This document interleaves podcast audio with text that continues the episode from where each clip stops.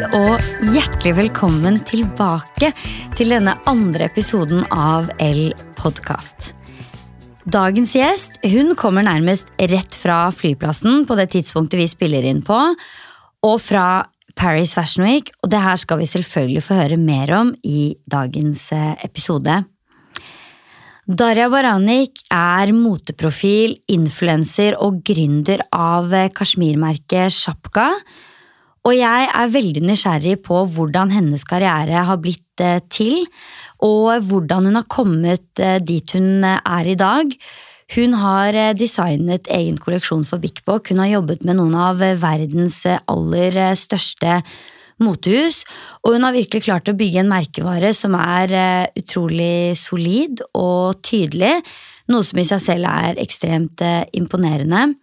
Jeg lurer også på hvordan hun eh, forholder seg til det å dele innhold med over uh, 250 000 følgere på Instagram, og ikke minst det å forholde seg til trender og det å inspirere andre. Så kjære Darja, Veldig hyggelig at du kunne gjeste podkasten. Du kom jo faktisk rett fra flyplassen og Paris Fashion Week i natt. Det er helt riktig. Så fått sovet lite grann, og det var veldig deilig etter en hektisk uke. Og veldig hyggelig å være her. Tusen takk for at du ville komme. Jeg tror at for alle som enten følger deg, eh, møter deg eller eh, jobber sammen med deg, så er det jo ingen tvil om at eh, du er på helt riktig sted og gjør noe du er vanvittig dyktig til. Men hvordan begynte egentlig denne interessen, eh, og da kanskje spesielt for mote? Ja um, Jeg tror det går tilbake, langt tilbake. Jeg har alltid syntes det har vært gøy å kle meg opp og vært fascinert av klær og store motehus, og det, det går langt tilbake, men det var litt sånn tilfeldig alt sammen hvordan jeg endte opp her, og det var ikke sånn at jeg hadde en klar plan på det i det hele tatt. Um, men um, ja, hvordan var det alt dette startet? Jeg, altså, jeg begynte jo å studere. Uh, først europeiske amerikanske studier med fokus på Russland, og ville jeg studerte på Blindern og ville egentlig bli diplomat og jobbe mellom Norge og Russland. Og så gjorde jeg det halvannet til to år. Og så var jeg på utveksling i St. Petersburg, uh, Petersburg hvor jeg er uh, født. Um, og hadde en helt fantastisk opplevelse der, egentlig. Men så er jeg ganske spontan av meg. Uh, og så sitter jeg da i St. Petersburg, og så ringer en venninne meg. og um, skal til New York. Og så sier hun du, de har et studie i New York som tilbyr Altså det var mote- og økonomiretning. Vil du være med? Og um, da ringer jeg mamma og pappa og um, spør om de på en måte kan støtte meg i den avgjørelsen og hjelpe meg litt. Og så tror jeg jeg ringte henne opp tre timer etterpå og bare Jeg er med. Jeg blir med og kom hjem, og så pakket jeg om koffertene, basically. Dro til New York, og da husker jeg allerede da, det var i 2011, da begynte jeg vel sånn sakte, men sikkert og tok litt sånn bilder og la Jeg husker ikke Det var vel ikke Nei, jeg hadde ikke Instagram før sånn 2014, tror jeg, så jeg husker ikke helt hva jeg gjorde med de bildene, men jeg syns det var en sånn fascinerende verden, og hadde da ja, allerede da sånn interesse for foto styling var mye rart jeg dro på meg, men Så stilen har på en måte blitt litt til um, Ja, du, sånn med tiden, da. Uh, og så var jeg i New York, og så kom jeg hjem, og så tok jeg en bachelor. Um, begynte egentlig på et nytt studie, tok en bachelor i uh, markedsføring og ledelse. Og så siste året på studiet så kunne du enten ta utveksling, fordypning eller et internship, og da hadde jeg allerede vært ute to ganger, og da tok jeg et internship, og det var i alle media, i daværende StyleMag. Og så var jeg der to ganger i uken, over tre måneder. Og så, når jeg var ferdig, så fikk jeg tilbud om å fortsette, og det var egentlig min vei inn i motebransjen. Hvordan var det liksom å gå inn i, i, den verdenen der med liksom magasin og, og, og, den type innhold? Nei, det var en helt ny verden for meg, men jeg er litt sånn som tar um, alle utfordringer på strak, strak arm. Og hadde jo gode mentorer, både Celine Aagaard og Jyri Helen Werp, um, som har guidet meg og heiet på meg og gitt meg veldig mange muligheter tidlig, og stolt på en måte på hva skal jeg si, min kunnskap eller min visjon, da. Eh, lærte utrolig mye der, og ble bare kastet litt eh, inn i den verden. Og ja, eh, fikk mange muligheter, og det var eh, kjempegøy. Og derfra har jeg på en måte utviklet meg selv videre, og ja, landet litt der jeg er i dag, da. Mm. Og det er jo noen ganger det at som du sier, at du, er, du nevner om at du er spontan. ikke sant? Den beslutningen om å flytte til New York. Du tar utfordringer på strak, på strak arm. Eh, og da er det også noen ganger kan være en sånn bra ting å ha noen i ryggen som bare er sånn ja, men vi, vi tror at du fikser det her, vi. Så da får man et sånt lite sånn push eh, fra noen andre som gjør at man kanskje også tenker at ok, jeg har ikke gjort dette her før, men, men, disse andre menneskene som har masse erfaring innen akkurat dette, har troa på meg. Og det viser også hvor viktig det her er. Altså, det må løfte hverandre og gi muligheter, da. Um, Absolutt. Og spesielt på et tidlig stadie. Mm -hmm. Jeg er veldig takknemlig for det, og jeg har sagt det både til Celine og Jiri Helen ofte, og jeg, det er derfor jeg også syns det er fint å nevne de, fordi de på mange måter viste meg veien, og ved å gi meg så mye ansvar så tidlig, så fikk jeg også utvikle meg, jeg fikk utfordret meg, og jeg har prøvd, og jeg har feilet, og jeg har lært, og jeg har vokst. Så det har vært eh, ja, helt fantastisk. Og ja, jeg føler at uh, det var på en måte Alle media ble litt sånn moteskolen min, fordi det har jeg jo aldri på en måte gått på. Så tok jeg med meg mye av det jeg lærte der, videre inn i egen merkevare, når jeg da valgte å si opp jobben min i tror det var 2017, og da hadde jeg også en samtale med Yr-Helen. Og var sånn Du, nå ser jeg at Instagrammen min begynner å vokse, jeg får mange nye muligheter, og følte at jeg hadde da gjort ganske mye i alle media, og ikke det at man stagnerte, men jeg hadde fått vært gjennom mye, som sagt, og var da keen på litt nye utfordringer. Og så sa Jir Helen til meg det syns jeg du skal gjøre, og veien tilbake er ikke lang. Og det er litt som du også sier, det at hun backet meg og hadde troen på meg, ga meg også selvtillit.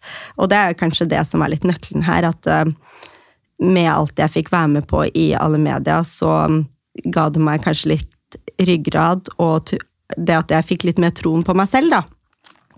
Og så gikk jeg da ut og jobbet eh, Det var vel Jeg hadde jo en blogg på den tiden, så det var vel der jeg hadde hovedinntekten min. Men så har jeg bygget opp Instagram, og i dag er det det jeg på en måte lever av. 100 da. Men hvordan var det der å liksom ta steget inn i det med på en måte, Da jobbet du jo for en stor merkevare under Aller. Eh, du fikk prøve deg eh, også som redaktør en periode.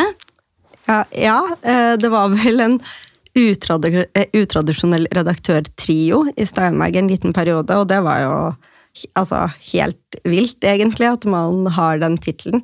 Og senere også mote redaktør. Så nei, det som sagt det har bare vært en veldig inspirerende reise hvor man på en måte har vært hands on på absolutt alt, og man har blitt hørt. ikke sant? Man har hatt en stemme, og selv om det på andre siden Altså mine sjefer som har masse erfaring, de har på en måte valgt å stole på det jeg har å si, og jeg tror det er hva skal jeg si Litt um, Jeg tror ikke det er samme Du får ikke samme mulighet i utlandet. Da er det sånn Det er så um, et hierarki. I Norge er det kanskje I hvert fall jeg har vært heldig med å oppleve at det har vært en mye mer sånn flat struktur. Jeg syns jo vi i Norge i moteindustrien her er ekstremt heldige. Det er en veldig fin kultur både på tvers av magasiner og influensere, Eh, eller moteprofiler, kall det hva du vil.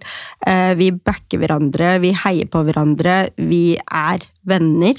Eh, jeg er også veldig heldig som reiser med veldig mange som gjør det samme som meg, og i teorien er konkurrentene mine, men så hjelper vi hverandre, vi backer hverandre. Det er ingen sånn spisse albuer, og det ser man dessverre veldig mye i utlandet. Det er veldig mye drama som man hører om.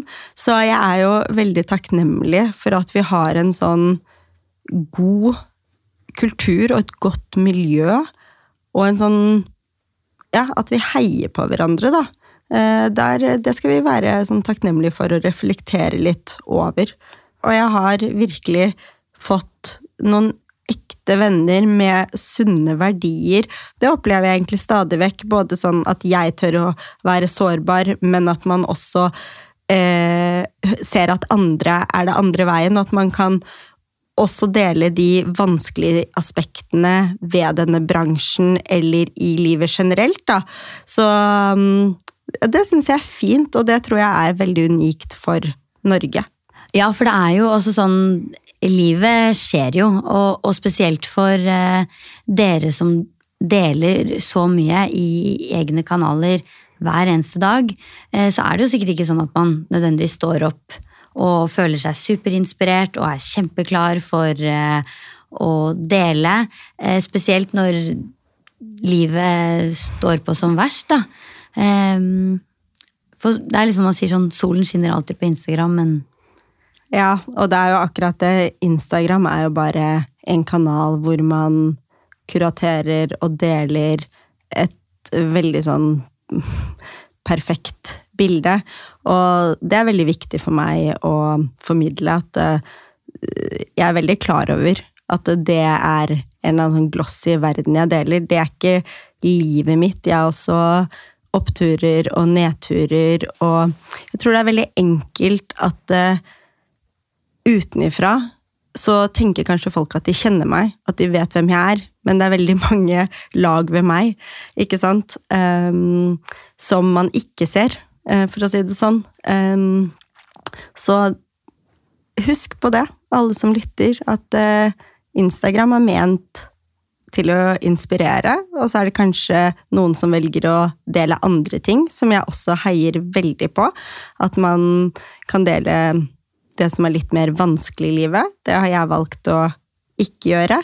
Men vi har alle våre personlige ting. Og det er jo lett å sammenligne seg ikke sant? når vi får dette her daglig påfyll fra Instagram, og det ser ut som alle andre lever helt sånn perfekte liv hvor uh, alt går som, uh, som, smurt. Ja, og akkurat det du sa med å sammenligne seg selv, slutt med det. Jeg har også gjort det så mye. Um, lev livet ditt. Gjør de tingene som gjør deg glad. Jeg har tatt tak i så mange ting selv, fordi sosiale medier og telefonen den kan bli så altoppslukende. Så jeg har lagt den igjen hjemme. Jeg har gått på turer, og det Herregud, så naken du føler deg. Men prøv å gjøre det. Sånn kobla av det, liksom det livet der. I hvert fall for meg er det ekstremt viktig. Um, ja, jeg har prøvd liksom nye ting i det siste. Sånn kjøpt meg eh, malesett, stått og malt i leiligheten. Bare, og det er faktisk en av de mest sånn meditative opplevelsene jeg har hatt, fordi jeg bare ble så inn i det maleriet og farger, og det var kjempegøy. Så bare Ja, mitt, egentlig min oppfordring er Idet jeg i hvert fall sluttet å sammenligne meg med alt og alle, og begynte å reflektere litt over sånn Hvordan vil jeg leve livet mitt? Hva er det som gjør meg glad? og også koble helt av. At alt jeg gjør, trenger ikke å på en måte være broadcastet på Instagram. Så har jeg funnet en mye mer sånn ro i meg selv og i livet mitt. Men hvordan var det å gå fra sant, eh, en stor eh, merkevare som alle media, til å bygge opp din egen merkevare fra scratch. Fordi én ting er når du da har liksom et magasin som du på en måte kan stå bak, men plutselig så er det liksom du som er magasinet, eller det er du som er merkevaren. da.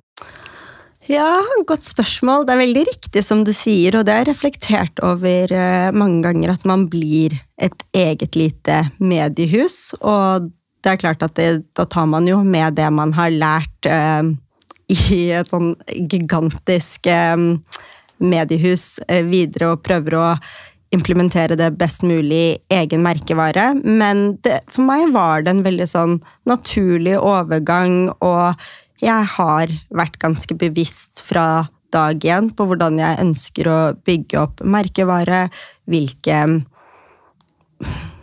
altså merkevarer og brands jeg ønsker å jobbe med. Um, så jeg heller bygget sten på sten enn å få en raske penger eller Altså sånn Jeg har vært bevisst på hvor jeg skal på veldig mange måter.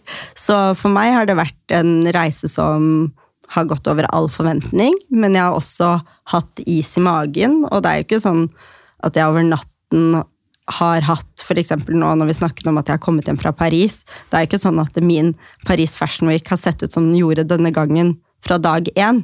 Det har vært enormt mye arbeid, og i denne bransjen så handler det om nettverk. Det handler om å bygge relasjoner, um, og det har jeg gjort over mange år, som nå har ført, at, uh, ført til at jeg er hvor jeg er i dag, og jobber med de merkevarene jeg gjør i dag.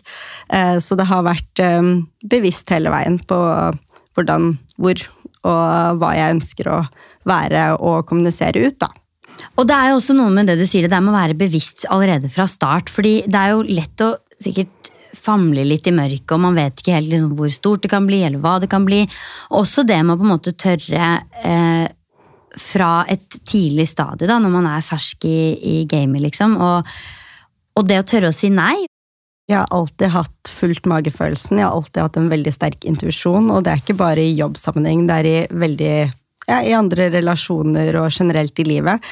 Um, men altså Jeg tror jo at um, det er jo litt det som tar deg Eller i hvert fall det som har tatt meg dit jeg er i dag, da. Det er at jeg har Jeg tror jo Jeg har jo ikke bare tenkt med hjerte- og magefølelsen. Jeg har jo brukt eh, hodet også, eh, 100 men eh, ja, det er litt som du sier, sånn Det å bare være bevisst, ikke sant? Sånn jeg har sagt tidligere også, som vi har diskutert, hvordan man på en måte kan kapitalisere på merkevare, tjene raske penger, men det er faktisk veldig tidlig når ikke forespørslene sto i kø, holdt jeg på å si, og så takker du nei fordi du bare Dette er ikke det jeg ønsker å representere. Og det har egentlig vært det som tror jeg har brakt meg dit jeg er i dag, med de samarbeidspartnerne jeg har i dag. Det har vært at jeg ikke har takket ja til å reklamere for ja, Yoghurt er et eksempel jeg har brukt, da. Mm. Ikke sant? Og det er nå snart ti år siden, da. Det hadde vært kjempeenkelt for meg. Det var store pengesummer på bordet, og deilig å ta med seg det hjem. Men, men, og det er ikke noe galt i å gjøre det, men hvis man skal jobbe med de som på en måte jeg jobber med i dag, så må man også takke nei til andre ting. Og jeg vil jo at det skal assosieres med en verden jeg representerer, og da må man også, ja, som sagt, jobbe med riktig og nå, ja, nå, er du jo allerede litt innpå det der med, med, der du er i dag. Og som sagt, du kommer rett fra eh, Paris Fashion Week. Eh, og også som du nevner at eh, den timeplanen du har hatt eh, i år, har du jo Det har ikke alltid vært sånn. Husker du, Har du noe sånn første minne fra altså din, Husker du liksom din første Paris Fashion Week? Altså, hvordan, hvordan var det? Hva ja. gjorde du da? Um, nei, vet du hva, Det er faktisk litt morsomt, fordi jeg tror min første opplevelse i Paris var helt vill. fordi da ble jeg invitert med Chanel på couture-showet deres. Uh, så Men da lurer jeg på om jeg var i alle media. Så jeg fikk jo på en måte innpass på noe via dem tidlig, men det har også vært um, uker i Paris hvor det har vært helt kaotisk, og man har booket inn altfor mye greier, men ikke nødvendigvis hatt shows, men bare prøvd å rekke alt og please alle. Altså sånn Jeg har funnet en så mye mer ro i det jeg gjør, og um, Jeg husker vi også oppsøkte visninger vi ikke nødvendigvis var invitert på, og bare så på alt som beveget seg utenfor, og det har jo vært virkelig en reise, og jeg er veldig sånn takknemlig for alle hva skal jeg si, epokene i reisen min. Um, fordi jeg har lært veldig mye og sett veldig mye og fått vært med på alle på en måte sider i liksom, hva skal jeg si, dette motesirkuset, da. Da er vi tilbake med vår faste spalte Garderobepraten med Elfa. Og nå sitter jeg her med Linn igjen. Og i dag skal vi prate om et tema som jeg tror eh, veldig mange har et eh, kanskje litt sånn elsk-hat-forhold til, nemlig garderobedetox. Og dette er jo noe som eh, Altså, Vi vet jo alle at det, at det, er veldig bra å gå gjennom tingene sine og rydde. Noen gjør det eh, religiøst mellom sesonger, f.eks. høst og vår. Eh, men dette er også noe som dere i Elfa eh, oppfordrer til å gjøre eh, i forbindelse med det å skape en ny garderobe. Og hvorfor, hvorfor er det sånn, Linn? Hvorfor er det lurt å gjøre en garderobedetox? Det er jo for at altså For å bygge en drømmegarderobe så handler det jo om at man skal føle seg vel med det som er i det nå. Og da kan det jo være fint å ta en runde både for det emosjonelle, men også praktiske. Å kunne eh, fjerne eller Ja, kanskje man finner nye favoritter også. Det er jo begge veier. Så det er fint å ta en skikkelig cleansing av garderoben. Og så er det jo litt som du nevnte forrige uke også, at det er noe med den at når den nye, freshe garderoben står at det er deilig å liksom kun fylle den med ting man faktisk bruker og er glad i, da. Absolutt. Men hvorfor er det Altså, det her er jo sånn herre ja, Prokrastinering føler jeg er sånn nøkkelord når det kommer til garderobedetox, eller det Det er en eller annen forbindelse der. Og det er jo noe med det å faktisk liksom ta absolutt alt man har i garderoben, ut av garderoben, begynne å gå gjennom. Man kan jo bli litt overveldet. Eh, og eh, altså Egentlig har jeg nesten lyst til å gi opp før du i det hele tatt har begynt. Og hvorfor tror du det er sånn? Det er vel, som du sier, veldig overveldende. Og det er jo sånn typisk når du har fått ut alt, og du sitter med alle tingene på gulvet og tenker at nå skal alt inn igjen. Åssen skal jeg få til det her sånn? Hvordan skal det bli plass?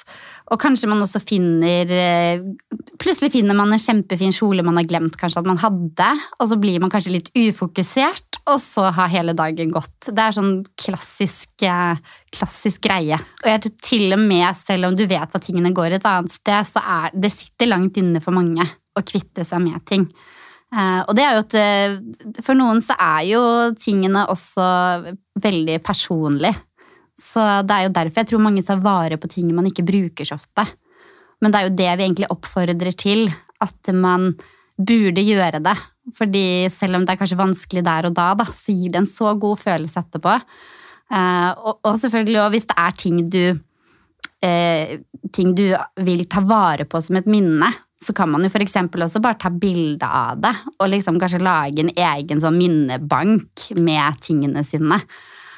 Så det finnes jo mange måter å gå igjennom en garderobedetox på. Kanskje skal du faktisk ha en egen skuff eller en kurv eh, som er dedikert til plaggene jeg aldri bruker, men heller aldri vil kvitte meg med. Eh, som en del av, eh, av, det å planlegge en ny garderobe, da. Absolutt, og det er jo det som blir en del av prosessen man går igjennom før man faktisk skal få drømmegarderoben. Det er jo nettopp det her med at man må gjennom en liten reise på forhånd. Men har du noen tips da til hvis det er noen som sitter og lytter nå som tenker at åh, vet du hva, nå er det høst, det hadde kanskje vært lurt med å gjøre en uh, garderobedetox. Har du noen personlige tips eller noen erfaringer? Absolutt. Ikke ta ut alt på en gang. Begynn skuff for skuff, og begynn i det små. Uh, og gjerne liksom Litt som uh, Carrie og de òg. Få venninner inn. Få de til å hjelpe deg å gå gjennom. Hvordan har eh, Paris Fashion Week vært for deg denne sesongen? Har du noen høydepunkt eller noen ting som gjør det ekstra inntrykk som du ønsker å dele? Ja, det har vært en veldig bra motuke for min del, og jeg fikk jo Loewe-visningen for første gang, så det vil jeg jo absolutt trekke frem som et høydepunkt. Det var en ja, veldig fin kolleksjon og veldig fin venue, og ja, jeg ble veldig inspirert eh, etter den visningen, men også selvfølgelig Hermes og Chanel og Christoffer Esper viste for Ja, første gang i Det var Paris. et høydepunkt. Det var et høydepunkt. Jeg er veldig tilhenger av designet hans. Og brukt kjolen hans veldig mye. Så det var også eh, veldig fint. Um, ja, ikke sant. Hva annet, hva annet er det jeg har sett?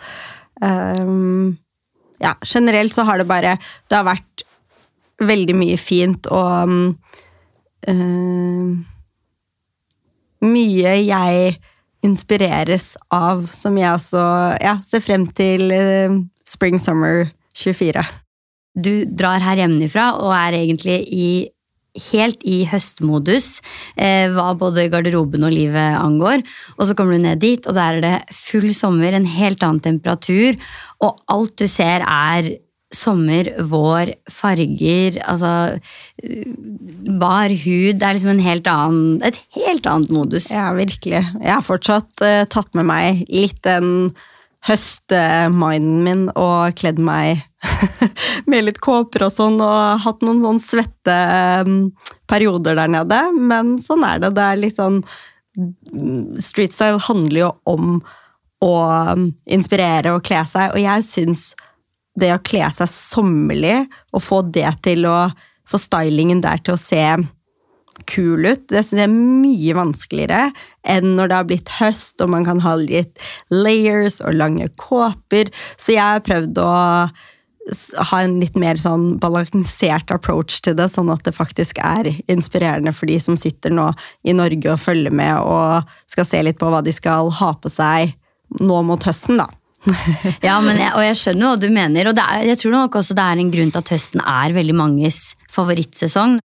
Men eh, eh, du nevner jo også blant annet liksom Altså sånn som eh, eh, Loewe, da, som er et motehus som virkelig har liksom eh, altså vært på alles lepper de siste sesongene. Det er jo opprinnelig et spansk motehus som nå er eh, under kreativ ledelse av eh, JW Anderson, eller Jonathan Anderson, som har måte gjort seg kjent eh, Først og fremst var det jo skinnprodukter og væsker, men nå er det jo Det har jo vært disse ballongskoene og disse store Anturium, er det vel den blomsten heter, som var liksom veldig overalt eh, forrige sesong. Eh, hva er det med dette motehuset, tror du, som liksom altså, gjør at det er så inspirerende og gøy for deg personlig, men Jeg tror jo, som du sier, at eh, han, det han presenterer på runwayen, er for meg kunst. Ikke sant? Det er når de blomstene kom ut forrige sesong også. Jeg var sånn blown away. Altså, det, han har en så kreativ hjerne, og jeg tror når du plukker antrekkene fra hverandre, det er først da, da ikke sant? Det er litt det man ser på Reese's. Da ser man ok, men dette kan, dette kan jeg bruke i hverdagen. Når du ser det på runwayen, så er det bare sånn Det er, en, det er som å gå inn i et galleri på veldig mange måter. Eh, men til syvende og sist så syns jeg jo at eh, han Det er så Altså sømmen i alt. Designet, kvalitetene. Um, det er det jeg faller for. Det er ehm, enkelt, det er tidløst, det er elegant, men det er alltid noen sånn rare, morsomme detaljer. Og det tror jeg er det som på en måte tiltrekker min oppmerksomhet. da. Og bare for å nevne det kort, er Reezy, som vi nå har snakket om, det er jo da når man kommer etter eh, visningen og ser kolleksjonen hengende i et showroom, som du sier, og man har muligheten til å studere detaljer, og, og også det som du nevner med at liksom når det er på, på runwayen, så er det, ikke sant, det er stylet, det er satt sammen på en måte som, som er skapt for å imponere og begeistre og sette i gang følelser og, og, og den slags. Men, men på en Reezy, når du ser plagg liksom henge mer som nesten som i en butikk, egentlig, da, da ser du jo mer sånn Plutselig kan det være noe som du ja, som du sier, man får, at du får andre favoritter. At du elsket den looken på runwayen, men når du får se plaggene og ta på dem, så, så er det kanskje helt andre ting som, eh, som fenger, da. Absolutt. Det presenteres jo på en helt annen måte. Mm. Men det her også er jo, fordi selvfølgelig, mye av det eh, moteukene handler om, det er jo å presentere selvfølgelig nye kolleksjoner, både for presse, influensere, innkjøpere eh, og den slags. Men det er jo også på en måte her man ser trendene oppstår. Og så som ting er nå, så oppstår jo de like mye på catwalken som ute i gatene. Vi kan jo se eh, tendenser eh, i street style og blant influensere som ender opp med å bli vel så store trender som det vi har sett på catwalken. Ofte henger det sammen, men, men det kan jo også være nettopp fordi catwalken ofte er dette her sinnssyke showet som er nærmest som kunst, da. Mens det man ser ute i gatene er mer sånn relaterbart. At det er sånn, ok, men det her er faktisk noe jeg kunne eh, brukt på jobben eller altså i hverdagen, da. Det er veldig riktig som du sier, ikke sant. Det man ser utenfor visningene, er jo ofte mye mer relaterbart. Det blir mye mer personlig. Det blir mye mer wearable. Så for meg også så finner jeg like mye inspirasjon utenfor visningene og folk jeg syns er kule, og som jeg ser opp til, som jeg liker stilen på. Jeg syns det er ekstremt mye gøy som beveger seg utenfor visningene. Og så syns jeg også at det er så bra f.eks. med Chanel, som kler opp veldig mange før eh, visningene. Det gjør for øvrig alle brands. Men de er også veldig opptatt av at man skal style det med egne ting. Og det syns jeg er veldig fint, fordi det gir en personlig vri på det. Og det syns jeg er inspirerende, fordi da det gjør det mer tilgjengelig, selv for meg. Um, så det, det, det setter jeg pris på. Og selvfølgelig også de som merkene som du går inn på showroomet deres, og du får mikse og matche. Det blir personlig stil. For meg er det ikke Og det lyser veldig gjennom. i det du ser folk som bare er kledd opp fra topp til tå i ett design uten å ha gjort noe personlig touch på det, det syns jeg Det finner jeg ikke like inspirerende. Så jeg setter jo veldig pris på de merkene som har blitt mye mer bevisst på at man kan personliggjøre hele universet deres da, ved å style det med egne ting. Din stil er jo ekstremt konsekvent. altså Uansett eh, hvilket eh, brand eh, du bærer, så er det alltid med din touch. Og, det, er litt, det er litt nysgjerrig på hva du liksom tenker om det her. For du tar jo inn alle disse inntrykkene fra moteukene, og så holder du deg likevel så tro mot det som er deg. Takk! Eh, det setter jeg pris på. Eh, og altså sånn Det er veldig sant, jeg har landet veldig godt i stilen min, men jeg har jo Veien hit har jo vært lang, og jeg titter jo tilbake på både moteuker og bilder jeg har delt, og antrekk jeg har tatt på meg, og kan humre litt, fordi det har vært mye rart. og jeg tror også sånn, litt tilbake til street style, at i starten så tenkte jeg at jeg måtte kle meg i noe som skrek etter oppmerksomhet, eller, sant, for å få de bildene. Um, så jeg er veldig glad for at jeg nå tenker at det enkle er det beste, og mm, har valgt å bygge opp garderoben min med gode basisplagg. Og selv om det er en god basisgarderobe, så er det alltid noen sånn iøynefallende detaljer, spesielt når jeg setter sammen antrekkene mine, og det, det kan enten være skulderputer eller om det er et belte, men jeg har bygget på en måte en garderobe som enkelt kan tas fra hverandre og styles om hverandre, da. Både om det er i business, eller om det er til fest, eller på reiser. Og det er jo en mye mer bærekraftig måte å bygge en garderobe på. Og så er det klart at jeg også lar meg inspirere av trender, og sånn nå i Paris har vi sett eksempel fargen rød. Altså, den var overalt. Og jeg merker jo at, det sånn, at jeg har lyst til å få inn et eller annet element av det, om det er på en veske eller et skjerf eller en genser. Så eh, jeg på en måte plukker ut småting jeg ser, og så implementerer jeg det i garderoben min, men det er ikke sånn at eh, jeg bare kaster meg på alle trender vi ser. Eh, men ja, jeg lar meg inspirere, og nå har vi jo også sånn hos Chanel og Loewe så var det fine ballerinas, det var flipflops Det er sånn enkle, enkle ting som jeg elsker, som jeg garantert kommer til å kjøpe selv.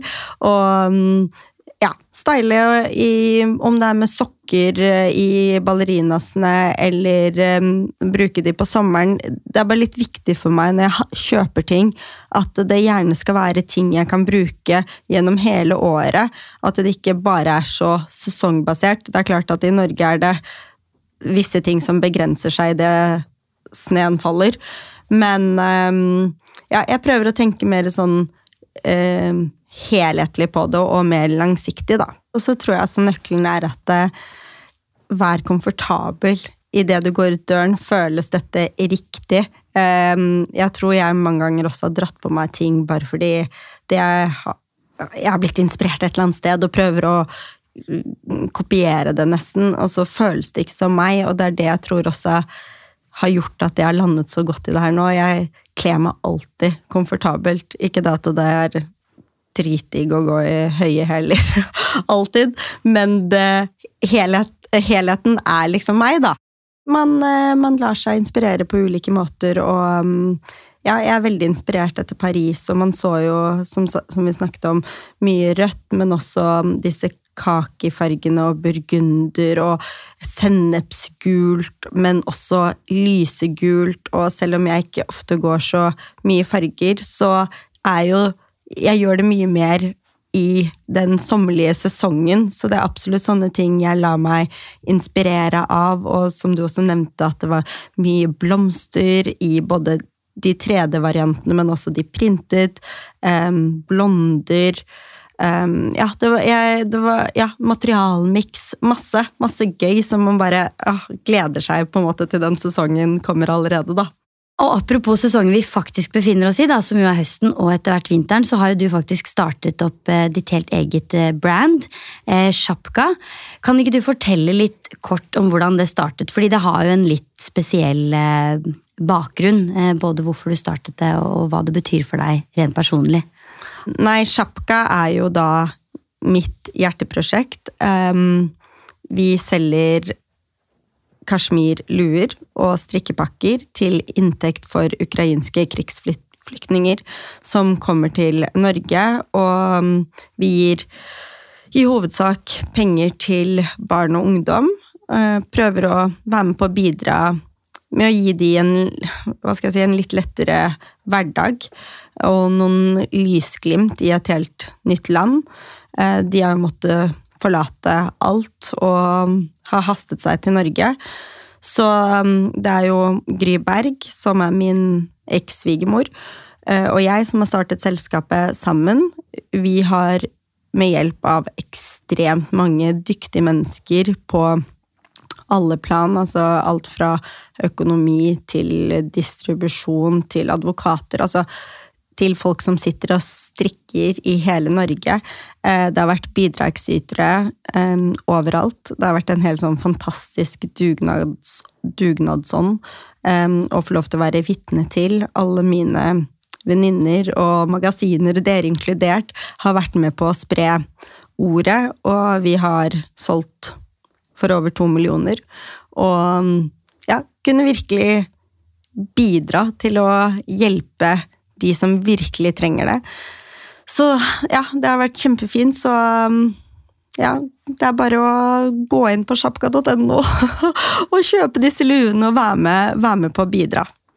Og det har jo for deg så har jo dette her vært altså, Da krigen brøt ut, så var jo det noe som altså, det, det er jo en, en, helt grusom uh, katastrofe når, når noe sånt skjer, men for deg så var det jo en litt sånn ekstra personlig faktor, fordi du har jo faktisk eh, familie og, og bakgrunn fra både Ukraina og Russland. Altså, Hvor lang tid tok det for deg før du bare skjønte at her må jeg gjøre et eller annet?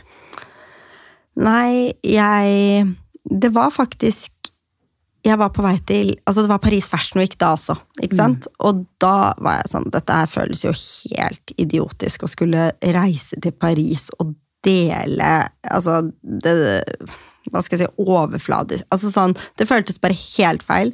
Og så snakket jeg da med Gry på telefon, og hun er en ekstremt driftig dame som med gjennomføringskraft. Så jeg tror hun også pushet hele prosjektet i riktig retning, og hadde veldig tro på at dette skulle vi få til, selv om vi visste jo ikke om vi skulle klare det i det hele tatt. Men allerede da, bare en måned Eller nei, det var bare et par dager etter at krigen brøt ut, at vi bare Ok, dette gjør vi.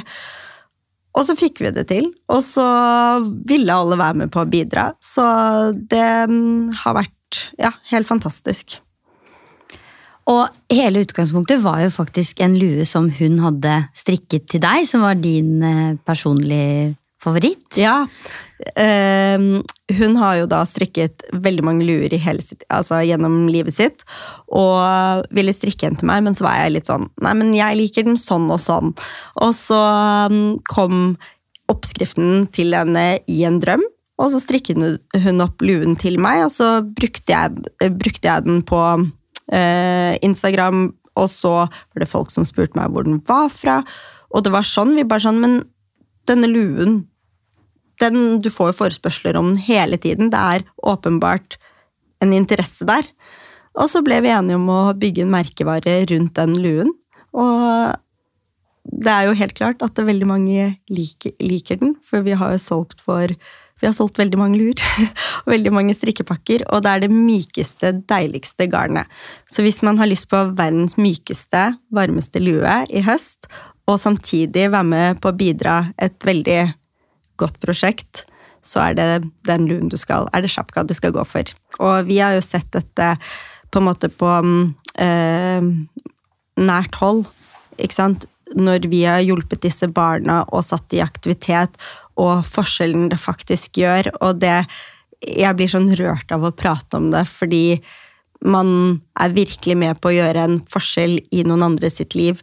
Så ved å kjøpe denne luen også, så er du med på å gjøre en forskjell i noen andres liv. Og det er bare det er det fineste prosjektet. Og jeg er så takknemlig for det fellesskapet vi har bygget rundt Sjapka. Tusen hjertelig takk for at du ville gjeste podkasten i vår andre episode. Det er kjempe, kjempehyggelig. Tusen takk for at jeg fikk komme.